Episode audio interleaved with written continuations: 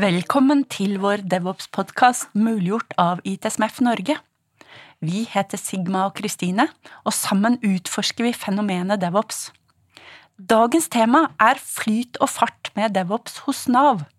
På forrige ITSMF-konferanse fikk vi nemlig høre et utrolig spennende foredrag om hva Nav har fått til, og dette vil jo vi høre mer om. Ja, så dagens gjest er derfor en av foredragsholderne, Tommy Jokumsen, kontorsjef i seksjon for utvikling i Nav IT. Eh, der jobber han med å bygge gode DevOps-utviklingsteam, og han er softwareingeniør i bånn med lang fartstid fra teknologiledelse både av startups, konsulentselskap og store konsern. Det er kjempestas å ha deg her, Tommy. Velkommen skal du være. Tusen, tusen takk. Det er selvfølgelig en ære og stas å få lov å bli invitert for å fortelle spennende historier. Så det setter jeg pris på. Så flott. Og denne podkasten handler jo om DevOps. Eh, og eh, der du og Anders eh, Skifte holdt et kjempegodt foredrag om Nav sin endringsreise på ITSMF-konferansen, så er det jo masse lyttere som ikke har fått tatt del i, i den informasjonen. Så jeg håper at du kan fortelle oss litt om hvordan dere har oppnådd det dere har oppnådd. For jeg har selv jobbet i Nav, i Nav IT, fram til 2008, tror jeg det var. Da hadde vi mm. akkurat begynt med smidig eh, metodikk, Smili-prosjektet. Eh, men vi var langt unna å få til noe DevOps, og jeg er virkelig imponert over hva dere har fått til etter den tid. Kan du si litt om hva dere har gjort for å komme i gang med å jobbe DevOps-orientert? Mm, ja, ja. Nei, eh, dette ja, Siden 2008 så har det jo skjedd veldig, veldig mye. Eh, men det, måten vi jobber på i dag, det begynte å ta form for eh, ja, seks-syv år siden cirka. I 2015 så var det jo en sånn stor IT-smell, Nav-skandale med masse penger som hadde blitt Ja, gikk over budsjett på et prosjekt. Eh, så vi fikk eh, ny ledelse, og inn kom annet en, eh, en IT-direktør som het Torbjørn Larsen. Og han sa at nå er det på tide at vi i Nav jobber litt annerledes. Nå skal vi jobbe mer verdidrevet og tverrfaglig, og vi skal gi myndighet til teamene, og vi skal ta eierskap selv. For før dette her så hadde jo vi, eh, som de fleste andre store selskaper, typisk offentlige, vi satt bort prosjektene våre, eller vi satt bort behovene våre.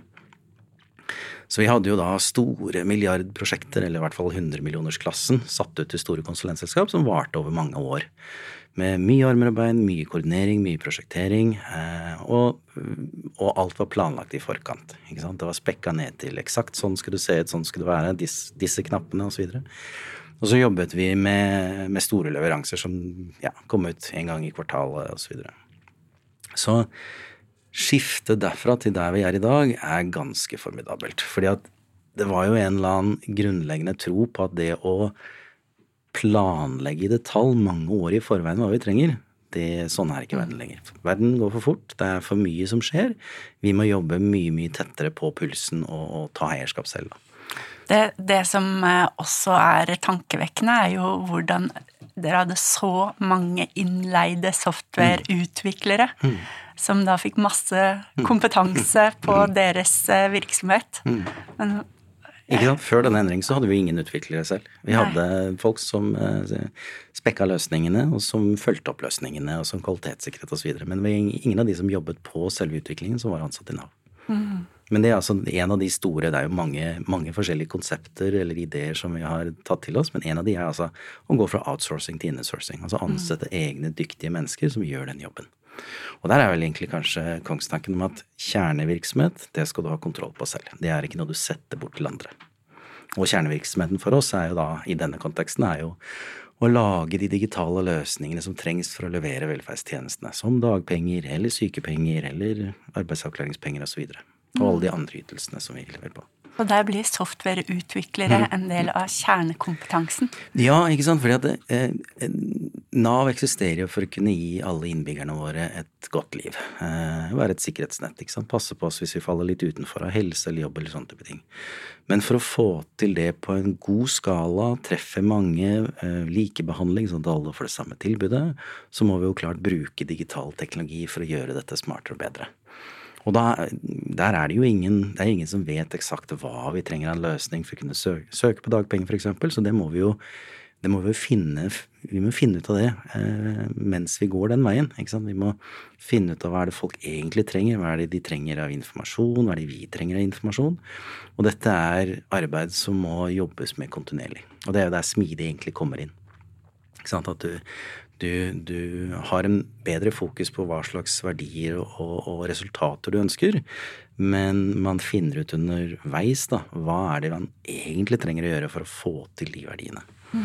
Så, så, så, sånn sett så blir da eh, jeg, vil, jeg vil ikke sagt digitaliseringen av Nav, men altså Nav, som alle andre virksomheter i 2023 og framover, så må det digitale aspektet være en del av nervesystemet. Det, det, er en integrert del av resten av virksomheten. Det er ikke noe du, du putter på på toppen eller ved siden av. Eller liksom, det, er, det er en del av virksomhetens eh, ja, kjernevirksomhet, uansett hva du egentlig driver med. Da. Og sånn er det også for oss.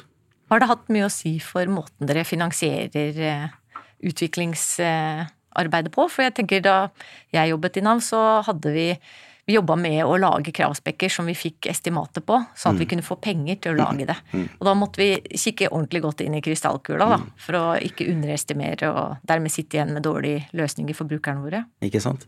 Og det, det, er akkurat sånn som det var, og til en viss grad så er det delvis sånn fortsatt. Altså det, er, det som er vanskelig med softwareutvikling, da, er jo det at det er, det er en læringsprosess. Hvis, hvis, man vet svaret på det man skal kode, så betyr det at noen har lagd det før, og da kan du løse det med en lisens. Da kjøper du lisens på noe. Hvis ikke det er mulig, så må du lage det, og da må du finne ut dette underveis. Og det å da estimere i forkant hvor mange månedsverk eller hvor mange årsverk som skal ned på noe sånt, Altså, det er umulig. Mm. Det er bokstavelig talt umulig, for dette er ingen som vet. Så det vi må, det vi må gjøre, er å anta eh, en del ting, og så må vi, må vi jobbe mye mer hypotestdrevet, og, og så verifisere underveis i hvilken grad vi klarer å oppnå de effektene som vi ønsker. Men vi kan, jo ikke, vi, altså vi, vi kan jo ikke finansiere dette uten å si noe som helst, så vi har jo klart noen rammer, vi har noen størrelsesordener, men vi prøver eh, å få til en bedre forståelse for for, for, nettopp finansieringsutfordringen da, eh, oppover i hele verdikjeden. Altså helt mm. opp til departementet departement også. Hvor, for det er, vel, det, er, det er, som sagt umulig da, å estimere kostnaden på, på, disse tingene. Det er veldig, mm. veldig vanskelig. Men så har dere jo også gjort store grep i forhold til hvordan dere har organisert dere. Jeg har mm. skjønt at dere har mer selvgående team innenfor eh, tjenestedomener, eller sånn nedslagsfelt. Kan du si litt om hva hvordan dere har gjort det? Mm. Vi, eh, vi, Det er jo en teori, eller skal vi si domendrevet design, er det noe som heter. Som handler om dette med å ta et stort, komplekst uh, konsept, og så bryter det ned litt mindre deler som, da, som kan stå på egne ben, og som er selvstendig. Og det er litt det vi har eh, Det er tilnærming vi har tatt på Nav også. Hvor vi bryter ned det store, komplekse helheten i Nav ned i mindre logiske deler. Så vi kan si ok, vi begynner på det enkle. Vi tar arbeidsrettede tjenester, og så tar vi helserettede tjenester. Og så hvis vi zoomer litt ned i de, skal vi si ok, vi har en del her som handler om sykepenger, og så har vi en del om noe som handler om, eh, om eh, altså sykemeldingen og sånne type ting. Så kan vi fortsette ned sånn, og vi ser ok, vi har en del som handler om selvbetjeningsløsningen som innbyggerne bruker, eller saksbehandlingsløsningen. Og når vi fortsetter sånn, så begynner det å krystallisere seg noen da grupperinger av behov som vi kan sette et team på. Eh, og så, når vi er flinke, da, eller når vi lykkes med å ta sånne gode skiller, så kan vi få ganske så velgående team som kan operere med en egen frekvens og en egen hastighet uten å i, trenge å gå i takt med de andre teamene. Og det er det som, som liksom DevOps og smidighet egentlig dreier seg om. Det å gjøre valg sånn at vi kan myndiggjøre mennesker i en form for tverrfaglighet rundt et tydelig mål, og så få de til å kunne operere så effektivt og raskt som mulig uten å ja, bli bremset av andre rundt seg. Det kan godt være avhengigheter til andre team, men det må løses på mer fornuftige måter enn at de må koordineres og gå i takt. da.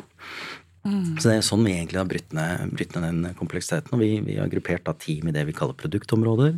Og så har vi produktutviklingsteam da, som tar som maskindeler av, av løsningen.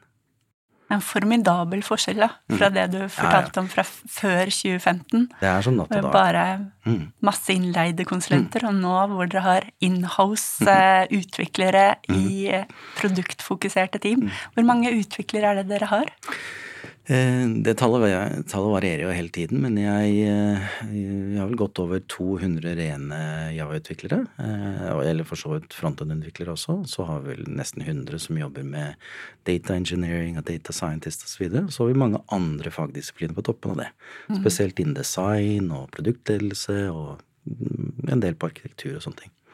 Og ikke minst da selvfølgelig veldig mange som jobber med kall det eh, fagspesialist innenfor domenet Nav. Da. Regler og lovverk osv. Jeg husker fra min tid i Nav at vi hadde en del utviklere som kunne regelverket bedre enn en de i direktoratet gjorde. enn fagekspertene. Altså de satt jo koda reglene, og da måtte du kunne det til fingerspissene. Mm. Mm. Opplever du at det er eh, mye sånn fremdeles? At, at det, kanskje dere kan drive litt av utviklingen på forretningsprosess også i IT? jeg, jeg tenker at det er for meg så ville det vært nesten et mirakel hvis noen klarte å lage en god løsning som traff på regelverkets forventninger, hvis man ikke forsto regelverket. Så, så, det en Det blir en del av oppgaven, det å forstå hva er rammene for det regelverket som vi nå skal lage en løsning for. Men vi har, jo, vi har jo spesialister. Noen ganger så er det jurister som har det, eller så kan det være andre fageksperter som får ansvar, eller har ansvaret da, for den regelverkstolkningen. Men det er et ansvar som vi i, ja, i varierende grad men vi prøver å få også det ansvaret inn i teamene, fordi eh, de som tar beslutninger rundt å lage de produktene det, altså Regelverkstolkningen bør ikke gjøres av noen andre utenfor teamet. Så det er teamet sjøl. Så det at det var mange utviklere som, som, kunne regelverket ut og inn, det forundrer meg ikke et sekund. Altså. Mm. Og sånn er det helt sikkert fortsatt. Både ja, designere og, og produktledere og alle disse her er nødt til å forstå regelverket. Ja. Så, så, hvis dere skal eh, oppnå enda større fart og flyt, mm. så handler det kanskje like mye om å få integrert de som kanskje sitter et stykke unna, eh, noen etasjer opp? Ja, det er, jeg er, egentlig spikeren på hodet, fordi at eh, hvis vi ser på hva som Det er jo mange årsaker til at teamene våre opplever bremsing. Og den, den listen er lang eh, og varierer fra team til team. Eh, men noe av det som er gjennomgående, er jo det at team må vente på avklaringer fra noen utenfor teamet. Og det kan være noen tilfeller så kan det være andre team som trenger å ta en avgjørelse som påvirker et team, men ofte så kan det være sånne ting som du er inne på nå, som er regelverkstolkning, eller kanskje en, en annen formell forretningsbeslutning av noe, da, men som teamet trenger en avklaring på før de kan ta et veivalg. Og Ideelt sett så hadde vi ikke hatt de bremsningene. Da. Ideelt sett så hadde jo det vært en del av ansvaret til disse teamene. Så husker jeg også et annet begrep som gjorde det litt vrient noen ganger, og det var hvis noe var gjenstand for skjønn. Ja. for da var det kanskje ikke én streng tolkning alle skulle følge, men da, mm. da skulle du se på mange forskjellige faktorer, f.eks. For mm. rundt en arbeidssøkers eh, hverdag, eh, som kunne gjøre at du eh, tillot noe som ikke du ville tillått hvis konteksten til den arbeidssøkeren var helt annerledes. Mm. Er det noe fortsatt innenfor det? Ja, ja, det er masse. Og, og, og, litt av grunnen til det er jo at veldig mange deler av regelverket vårt som vi eh, forvalter, eller som vi liksom lager tjenester og, og, løsninger rundt, er jo utformet i egentlig en annen tid, hvor den digitaliseringen, eller behovet for digitalisering, ikke var fremtredende.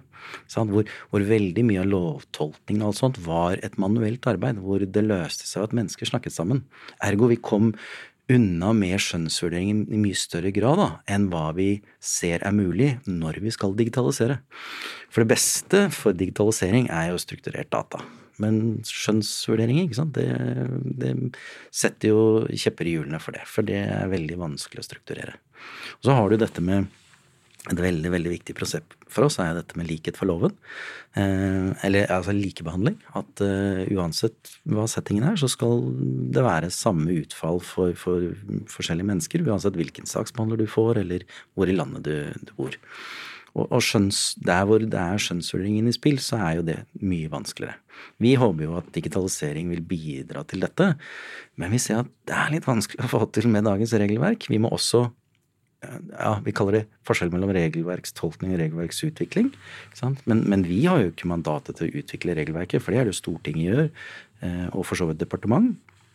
Men det å få til en mye bedre dialog på tvers av disse nivåene, da, eh, er ganske viktig for å klare å lage et, et virkelig bra fremtidsretta offentlig Det gjelder ikke bare Nav, da, men andre offentlige virksomheter også. Ja, for vi har jo en undertittel på podkasten vår som er IT for en bærekraftig fremtid. Ikke sant? Og kanskje det da er IT som driver fram en lavere grad av vilkårlig behandling Mm. og høyere grad av bærekraftig ytelsesbistand til befolkningen, da. Ja, ja, det tror jeg du har helt rett i. Og vi så jo også det når denne EØS-skandalen smalt for noen år siden. da, Det viste seg at vi hadde tolket eh, loven feil. Og, og, og når vi da prøvde å finne ut av hvor mange er det som er berørt av det, så så vi at det var faktisk stor variasjon geografisk på hvordan vi hadde praktisert lovverket. Og, det er jo da fordi det er vanskelig i praksis når vi ikke har strukturert data, eller vi kan ha liksom, hvor, hvor digitale verktøy kan hjelpe oss da, i den likebehandlingen. Så jeg tror at med tiden, da, når vi får forbedra regelverket, eh, bedre tilgang på kildedata også, for det er veldig vanskelig å vise litt av hvilke ytelser det er snakk om, veldig vanskelig å få, få tilgang på god data. Fordi dataen eksisterer kanskje ikke.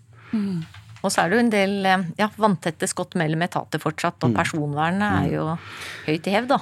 Eh, Det, det er det definitivt. Det er, det er på den ene siden en veldig bra ting, og så slår det litt uheldig ut noen, noen tilfeller. Vi har jo tilfeller, vi også, hvor, hvor eh, altså den statlige delen av Nav og den kommunale delen av Nav ikke får til et godt nok sømløst samarbeid eh, som slår ut negativt for brukeren. Fordi vi klarer ikke å få til en helhetlig brukeroppfølging på tvers av, av kommunale og statlige tjenester.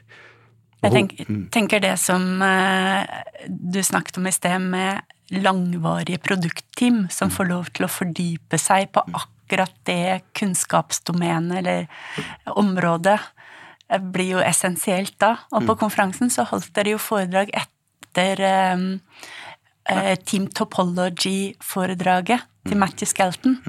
Og jeg skulle ønske du kunne si litt om hvordan dere har brukt Team Topology også eh, i Nav, da. Ja, ja, nei, mer enn gjerne. Og det er sånn eh, Vi startet jo på denne reisen vår før den boka kom ut.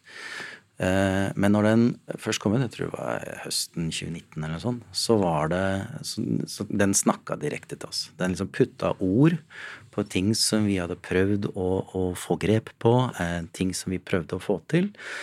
Så for oss så harmoniserte innhold og begrep og definisjoner og sånt med det vi jobbet med. Så, så for oss så, så passa det veldig, veldig godt. Eh, og boka, da, for de som ikke nødvendigvis kjenner det, eh, dreier seg altså om altså Team Topologies er, er tittelen. Så den handler om team og hvordan team jobber sammen. Hvordan, hvordan vi organiserer team for å få til god flyt på alle team, men også helhetlige eh, effekter da, på tvers av team. Og den definerer noen teamtyper, eh, og den definerer noen samhandlingsmønstre. og Alt dette ga masse mening for oss. Så, eh, så vi har, vi har adop eller i stor grad forsøkt å adoptere en del av begrepene. Altså dette med ja, norsk, På norsk så heter det verdistrøm, eller vi kaller det verdistrømteam. Og det er en måte å se på at det er Sett nå at du har et lite selskap, veldig lite, ti mennesker. Da har du kanskje bare ett team. Det er de som gjør alt. Og så vokser selskapet, og så blir det mer som må gjøres, ikke sant? flere mennesker osv. Og, så og så til slutt så er det for mye arbeid, for mye ansvar for ett team, så du splitter i to team. Da splitter du kanskje to verdistrømteam. Du sier ok, dere får ansvar for dette, og dere får ansvar for den andre tingen. Da snakker vi ende-til-ende-ansvar. Ja da, det helt riktig. Ende-til-ende-ansvar. Og så fortsetter egentlig dette mønsteret hvor du, du, du splitter eh, team ned i mindre deler. For at parallelt med dette så finnes en del forskning på teamstørrelser, som går på oss mennesker i forhold til hva vi eh, klarer å forholde oss til av relasjoner. Eh, og psykologisk trygghet, hvor, hvor komfortable vi er med å kommunisere i små og store grupper. Så det er en sånn tommefingerregel at team bør være åtte-ti mennesker. Eller seks til åtte mennesker. Det er en type ting. Og da, etter hvert som behovene vokser, og du ansetter flere folk, så, så splitter det seg ned i mindre team. Men så er det sånn at alt kan ikke løses med disse verdistrømteamene, altså disse kall det primærteamene. Så det er en del andre, eller det er tre andre teamtyper, og de eksisterer egentlig utelukkende for å avlaste sånne verdistrømteam. Så én teamtype er den teamtypen jeg jobber i, eh, som er et sånn vi kaller oss sosioteknisk team. Som er coacher som går rundt og reiser hos team. Så vi er et fasiliteringsteam, Og jeg mente å avlaste team og hjelpe dem med en del sånne type setting. Så det er en av disse avlastningstypene. Og så har du en annen som, som handler om complicated subsystem. Det vil si du tar ut en liten del av helheten som kan isoleres, men, og som er ganske komplisert, egentlig. Så du kan avlaste dette verdistrømteamet med at dette trenger ikke dere tenke på, fordi dette håndterer vi for dere. Og så har du den, tredje, eller den fjerde typen. Det tredje avlastningstype teamet, det er plattformteam. Når du egentlig ser at oi, her kan vi lage noe som alle team kan, kan benytte seg av. Eh, for da igjen avlaste teamene. Så denne boka, den, eh, den var litt sånn den, den, skrudde på lyset i et mørkt rom og sa hm, ja, dette gir mening for oss. Mm. Så vi har brukt den ganske mye. Og jeg har også hatt Matthew Skalten inne hos oss på podkastintervju. og det er faktisk et case-studie også på Nav på, på sidene deres. Ja. Mm. Og, og, det som er et stort poeng, er å kunne lage disse Eh, teamene så autonome som mulig. Hvordan er det dere har fått til det? det er ikke bare bare, skal jeg si det. For altså, for det første så er det jo hva i all verden er et autonomt team? Er, hvor går ansvarsgrensene? Hvem har egentlig ansvar for de forskjellige tingene? Og ytterpunktene er vel ingen autonomi. Du jobber bare på bestilling. Eh, det andre ytterpunktet er jo teoretisk sett i en anarki. Ingen lover og regler. Du gjør bare som du vil. Så så det dreier seg om da å lage egentlig vi kan si ansvarlig autonomi, eller vi kan si bærekraftig autonomi.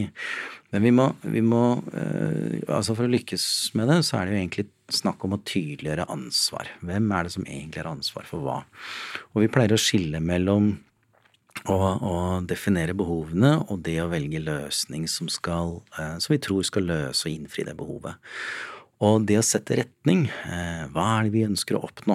Hvordan er det vi tror vi skal oppnå det? Hvordan måler vi, eller hvilke verdier er det vi måler for å se i hvilken grad vi har innfridd de målene? Det er fortsatt rammer som bør ligge rundt et autonomt team. Men så er det dette med hvordan skal utfordringen løses? Hva skal de gjøre for å innfri dette behovet? Skal de bygge den løsningen, den løsningen? Skal de kanskje ikke bygge noe fordi de bruker noe hyllevare, eller de løser det på en annen måte? Det er den en del av den eh, autonomien da, som teamene kan få. Og så er det noen forutsetninger. De må ha tverrfagligheten. De må jo ha kompetansen og kapasiteten for å kunne leve opp til den autonomien. Så det er mye som skal falle på plass, eller være på plass, da, for å få til det i praksis. Mm. Så er det jo klart, det er jo en, eh, en, annen liten vanskelig ingrediens, så det er at noen må gi fra seg litt ansvar, og det er ikke alltid like lett. Så det det er mye som skal på plass, altså. Den Kjenner godt den. Ja, den der. Hva har dere gjort for å få til det? Én eh, ting er egentlig tid og tålmodighet.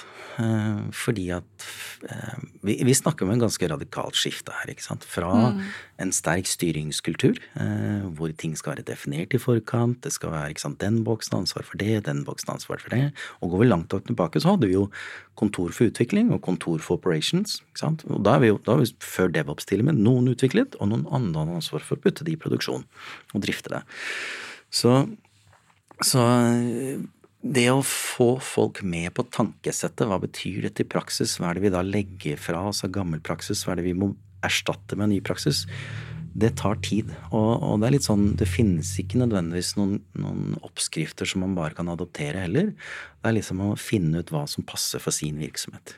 Og vi er jo en virksomhet som er veldig stor. Eh, vi er nesten 2000 mennesker som jobber med disse tingene.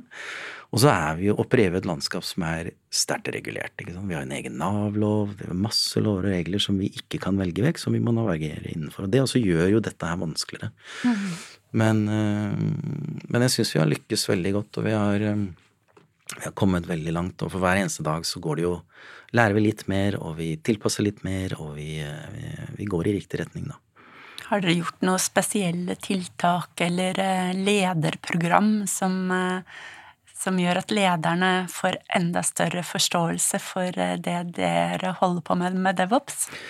Masse. Eh, og for mange til nevne, egentlig. Jeg vil si at Nav er vel en av de stedene jeg har jobbet og kjenner til som har vært det er lavest terskel for å starte delingsinitiativ. Hvem som helst kan egentlig ta sin og skal jeg invitere til en presentasjon eller en, eh, en delingsarena eller sånne ting. Så det er mange delingsarenaer. Eh, men vi har også formalisert en del ting. Vi har hatt noe som heter Produkteierakademiet, som nettopp har handlet om å hjelpe mennesker som historisk sett kanskje hadde en prosjekt produsentrolle til å forstå hva er det det betyr i eh, å være ikke bare smidig, men å tenke produktledelse. Ikke sant? Sette brukerens behov eh, i spissen, eh, formulere som behov vi skal finne ut av, hypoteser, hvordan måler vi disse verdiene, hvordan får vi med oss folka i teamet, hvordan kommuniserer vi med brukerne for å forstå behovene deres. I den så er det jo masse, masse som er, eh, som er vanskelig eh, å lære, eller som, altså, som ikke nødvendigvis er intuitivt. Som, som, tar litt tid å, å, få litt erfaring på, få litt forståelse for. Så dette Produkteierakademiet har jo hatt regelmessige samlinger i et år eller to, tror jeg. Hvor vi har da hatt arenaer som, eh, som alle med sånne roller har vært med på. Da, for å, få, mm. for å liksom heve forståelsen ganske bredt. Det har vi hatt ganske så god, eh, eller ensidig god erfaring med, da.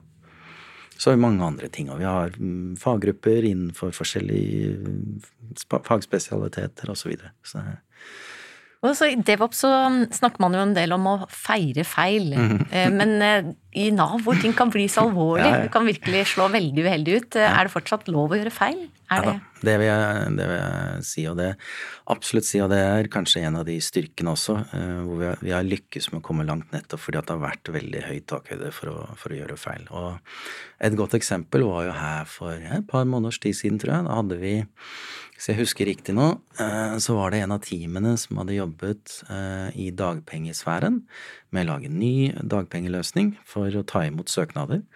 Eh, men den var ikke putta i produksjon, for den var ikke helt ferdig, så de jobbet sånn med, med inn på sluttspurten. Og så var det da noe som gikk Trykka på en feil knapp eller noe sånt, så, så denne løsningen gikk ut i produksjon. Og den var vel i produksjon i syv og et halvt minutt eller sånn, før de da klarte å ta den vekk igjen. Men i løpet av tiden så hadde noen rukket å sende inn en søknad, noen hadde begynt på søknaden. Og det er en sånn type ting som i gamle dager kanskje kunne laget en, en forside på media, fordi at uh, i praksis så brøt jo vi loven ved å forskjellsbehandle folk. Noen fikk tilgang til en løsning, andre fikk ikke, osv. Og, så og vi, vi, ga inntrykk at dette er legitimt, og så, så var det ikke det likevel. Det er persondata osv. Men det var et lærende punkt hvor vi feiret den læringen. Og der gikk jo selveste Nav-direktøren Hans Christian Holte ut på internkanal i Vi bruker Slack da som intern eh, chat. Og så har jeg en egen kudos-kanal, og han eh, slang seg på den kudosen og sa dette syns jeg var kjempebra, jeg hørte dere lærte veldig masse, dette er ikke noe problem, sånn skal vi ha det, kjør på. Og bare det at sjefen går ut sjøl med egne ord og slenger seg med i miksen og roser team som, som med good intentions tråkker litt feil osv., det er helt fantastisk. For det skaper det, det er sånne type feedback-lakker som skaper den tryggheten med at dette er faktisk ok. For da var det mange som leste om den feilen og kunne dermed gardere seg mot den i ja. sine team, da? Nja, ja, ja, det var helt sikkert læringspunkt for andre også, men jeg tenker det viktigste læringspunktet var vel det at det er faktisk trygt å feile. Mm. Du får ikke kjeft etterpå, det er ikke hoder som ruller. Ledernes eh, Altså hvordan de reagerer når det virkelig skjer, har jo alt å si. Ja, ikke sant. Og det, ikke sant? Så den endringen som vi snakker om her, er jo en fra styring og kontroll til en tillitsbasert ledelse det eksempelet som Hans Christian viste her, det er et godt eksempel på tillitsbasert ledelse. Nei, vi stoler på dere. Vi vet at dere har kontroll på dette. Dere er fageksperter. Noen ganger går det galt. Det er ok. Vi stoler på dere likevel. Det er ikke noe sånn 'Å, nå går det for fort. Nå må vi ta håndbrekket på.' Det, sånn kan vi ikke gjøre igjen. Og ikke snakk om noe sånt. Når du ser på dette med eh, hvordan har ledernes rolle endret seg nå når dere har fått på plass mm. så mange mm. selvstendige, autonome team? da? Mm. Det er, ikke sant? lederrollen har endret seg ganske drastisk. Fordi at vi har gått fra noen som skal diktere og bestemme og, og, og ha liksom en, en, sjekkliste med ting som skal følges opp, til å være tillitsbasert. Ikke sant? Til å være tydelig på visjon, tydelig på retning, tydelig på forventninger, si dette er det vi skal få til men samtidig viser den tilliten og delegerer det ansvaret til en gruppering med mennesker som da får det oppdraget. Så det er en helt annen form for ledelse. Det er vel kanskje eh, enkleste måten å si det på, et skifte fra å være sjef til å være en leder. Til å vise vei og engasjere mennesker og få mennesker motivert til å, til å være med og være kreative og, og ja. Og så leier dere jo fortsatt inn ganske mange utviklere utenfra? Absolutt. Jo et Vi har jo rekruttert kontinuerlig i, i mange år nå, og det vil vi jo fortsette med også, men det er jo klart det er det er et tight marked. Det er selgers marked der ute. Det er vanskelig å, å kuppe de gode folka. Ehm, så vi fyller på med ekstra kapasitet fra konsulentmarkedet. Ehm, enten bare ren kapasitet, og i noen tilfeller også spisskompetanse, som vi ikke har eh, eller, ja, som vi ikke har sjøl. Nå har jeg ikke noe tall på det, men vi har mange konsulenter også, det er helt riktig. Men de inngår eh, som en del av eh, teamene deres på like fot som de ansatte, eller er det Ja, på de, absolutt. På de fleste aspektene så gjør det det. fordi at når folk først har kommet inn i et team, så er det veldig viktig for oss at vi får den teamdynamikken til å funke. At alle sammen føler seg som et fullverdig del av teamet. At alle tar eierskap til brukerbehovene, er med på reisen, er med å utfordre og sånne ting. Og da kan vi ikke drive skille på liksom insider og, og konsulent og sånne ting. Men det er klart det er noen ganger Vi har jo avdelingssamlinger og sånne ting, og da er det jo ansatte og ikke konsulenter. Så det er ikke, det er ikke alt de kan være med på, men vi har eh, masse delingsarenaer som de er med på. Masse kurs og sånne type ting som de også kan være med å lære. fordi at det er, eh, det er mest verdi at de er vel så, så kapable i teamet som, som våre egne ansatte. Så ja, altså vi prøver å gjøre det til et like varmt hjem som for de ansatte i teamet. Høres veldig bra ut. Eh, hvis noen eh, nå står i, er i tenkeboksen, skal vi legge om mhm. fullstendig virksomheten vår, mm. og kanskje ikke sitter på, i, i toppsjiktet selv, da. Mm. Har du noen tips til hvordan de kan komme i gang, eller hvordan, hva de bør sette seg inn i? Ja, veldig godt spørsmål. Jeg tenker at for, Jeg tror nok at skal man få til en sånn transformasjon som dette, så er det nødt til å komme eh, Altså, ledelsen er nødt til å være med på det. Ledelsen må ønske dette, eh, og Eller ledelsen kan ikke være imot det. Da blir i hvert fall jobben ganske lang. Eh, men ledelsen skal kanskje bare åpne døra. Og så må jo resten av organisasjonen og grasrota og alt sånt være med å fylle det, fylle det som trengs for å få til denne endringen. Og så er det eh, viktig, tenker jeg, av, eller jeg personlig tror at det er veldig avgjørende å ha med annen form for kapasitet, litt sånn oljemaskineri-kapasitet, sånn som disse coach-rollene, endringsledelse, andre som kan være med og, og hjelpe både ikke bare team, men, men, leder også, på å finne den nye formen. Og så må man være tålmodig. Dette er ikke nødvendigvis altså, Papirøvelsen med å endre organisasjonen kan du gjøre på en dag, men, men, i realiteten så snakker vi om kulturendringer, og vi snakker om endring av kommunikasjonslinjer. Det er veldig mye allerede opptråkka stier hvor folk ikke sant, vi, vi, går til nettverket vårt. Masse ting som er litt sånn treghet, som tar litt tid å endre. Så det må man også være forberedt på at det eh, Man bruker litt tid på det. Da. Jo mer aktiv man er, jo bedre er det. Så tenker jeg at det er også helt avgjørende at alle medarbeiderne opplever en oppriktighet fra ledelse om at dette er noe vi ønsker å få til. Og da er det en god dose visjonær ledelse. Det er ikke nødvendigvis noe man bare kan bestille, for det kan være litt karisma, det kan være litt, liksom, masse sånne ting. Men jo mer visjonær ledelsen klarer å være på liksom, hvilket utopia man skal ta seg til, da, hvorfor man skal gjøre det og få med folkene, det er helt avgjørende. Og det er sånn som vi starta, da. Så var jo Torbjørn Larsen veldig flink på dette. Ikke sant? Eh, hogger du sten, eller bygger du katedral? Ikke sant? Eh, ser du det store bildet og, og, jobber for det, eller er du bare opptatt av de småoppgavene? Ikke sant? Så få med folka til å endre mindsetet sitt og ha lyst til å være med på den reisen. Og det er kanskje en av de viktigste rollene til ledelsen, i tillegg til å sette ut strategi og langsiktige mm. mål og sånn, men å få folka med på reisen. Du nevnte innledningsvis eh, Dere hadde jo en stor krise, egentlig. Et eh, kjempe-IT-program mm. på Ja, jeg vet ikke om man rakk å bruke opp over milliarden uten å egentlig levere noe særlig. Så at dere hadde jo en brennende plattform. Mm. Mener du at det var nødvendig å liksom ha vært i en sånn krisesituasjon for å få det her til så fort, eller tror du uansett at markedet hadde vært modent for det, eller virksomhetene var mer lydhøre uavhengig av det? Ja, nei, jeg, jeg, tror ikke, jeg, tror ikke, det er en nødvendighet, men jeg tror nok det eskalerer og, og liksom Du skjønner at nå må ting gjøres. Eh, Men eh, jeg tror at et selskap som ikke nødvendigvis har en burning platform, har, eh, har fulle muligheter til å ta et sånt skifte sjøl også. Det er kanskje en annen måte å si det, at det er sunt å kannibalisere seg selv før noen andre gjør det. Du, du, kan ta det initiativet sjøl, og så trenger ikke vente på at noen andre prøver å dytte deg av banen. Så for andre selskaper, dette med DevOps ja, ja. Er det noen som helst virksomhet du tenker at dette passer ikke for? Det enkle svaret er egentlig nei. Og, og, jeg kan henvise til litt forskning som er best beskrevet i en bok som heter Accelerate, som, som veldig godt illustrerer dette. Og det er en bok jeg kan anbefale til ikke-teknologer å lese òg. Eh, og det var altså forskning som gikk på tvers av enormt antall selskaper i alle form for næringer osv. Og, så og de prøvde å finne ut hva er det som skaper høyest verdiskapning. Og så fant de ut da at Eh, det var ikke nødvendigvis de som hadde de, eh, liksom de, sterkeste spesialistene eller ekspertene og sånne ting. Det var de som hadde konsentrert seg om å optimalisere for fire ting, og det var liksom å få ned tiden fra et behov oppstår til behovet er innfridd. Fra en idé kommer til den ideen faktisk er ute og kan konsumeres av de som er villige til å kjøpe produktet, eller hva det nå er, da. Uh, og så er det dette med og det er lead time, er få ned den, det tidspunktet. Og det er jo det er jo noe alle virksomheter trenger. De er der for en grunn. Det er akkurat det, for den forskningen viste at de selskapene som behersker dette, de utkonkurrerer konkurrentene sine med god margin. Ferdig snakka. Og igjen da, på tvers av alle, alle næringer og alle virksomhetsstørrelser.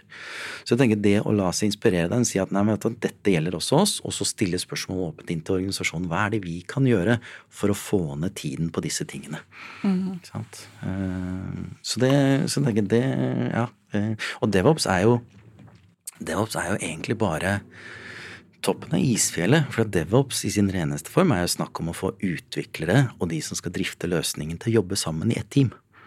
Men, og så brer det om seg med at du får hele ja, virksomhetssiden med på laget. Og... Ja, ikke sant. For teamene våre i Nav er jo Når vi snakker om tverrfaglig team, ja da, vi har dev- og ops-ansvaret i et team, men vi har produktledelse, vi har design, vi har brukerintervjuer, ikke sant? vi har eh, alle disse andre og, og ideelt sett også da regelverkstolkning av fagspesialister eller jurister.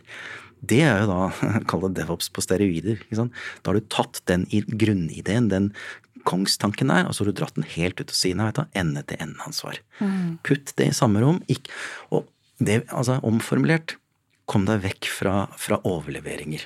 Hver gang noe må overleveres fra en til en annen, det er et mønster du ikke ønsker.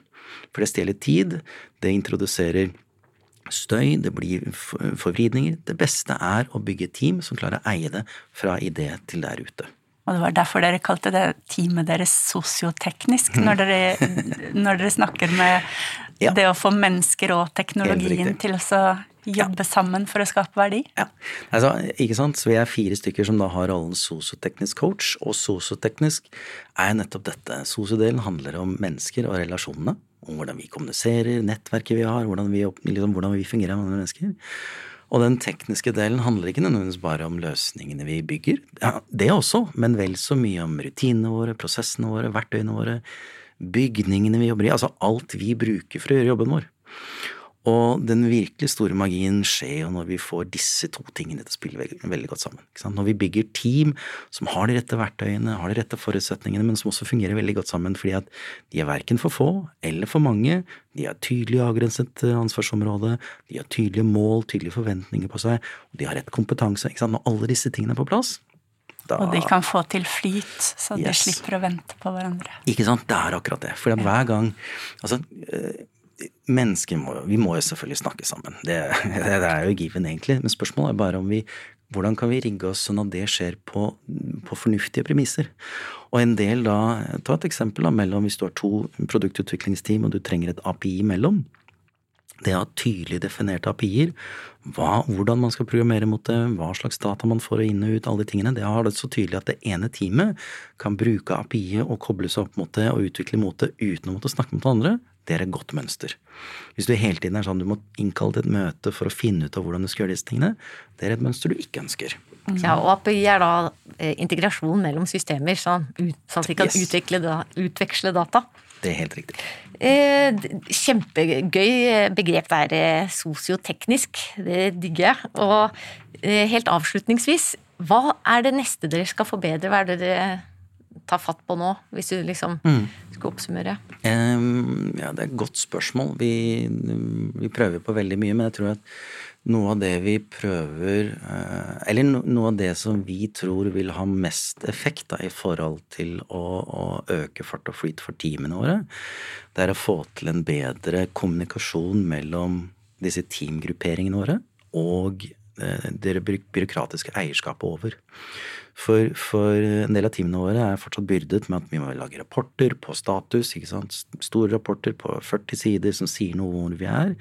Men det, det finnes bedre måter å gjøre dette på, hvor, som harmoniserer bedre med den moderne måten teamene jobber på. Og, og, og kort forenkla så er det når eierne sier Altså når vi lykkes med å få eierne til å si dette er det vi ønsker at dere skal oppnå, her er behovene vi ønsker at dere skal innfri, her er målene de skal strekke etter, og her er måten vi ønsker å måle den verdien på. Den innrammingen, det er den vi ideelt sett skulle hatt kommunikasjon rundt.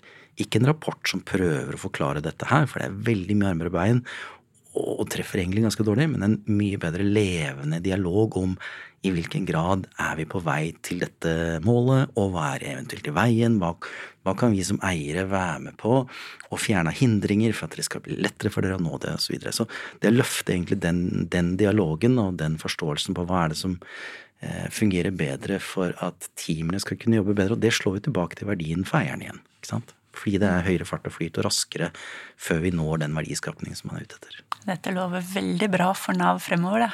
Det tenker jeg, Her har de virkelig fått med seg en eh, kjempedrivkraft på laget. Eh, nå ble jeg mye roligere med tanke på velferdsstaten i årene som kommer. Tusen takk, eh, Tommy Jokumsen fra Nav. Og deg kan nok godt hende vi klarer å lure tilbake i podkaststudioet ved en senere anledning. Tusen takk, for at du kom. Tusen takk. Det har vært veldig hyggelig. Takk skal du ha. Og hvis du ble så inspirert av det du hørte nå, at du har lyst til å se hele foredraget som Tommy var med å holde på ITSMF-konferansen, så finner du informasjon i teksten på denne podkasten.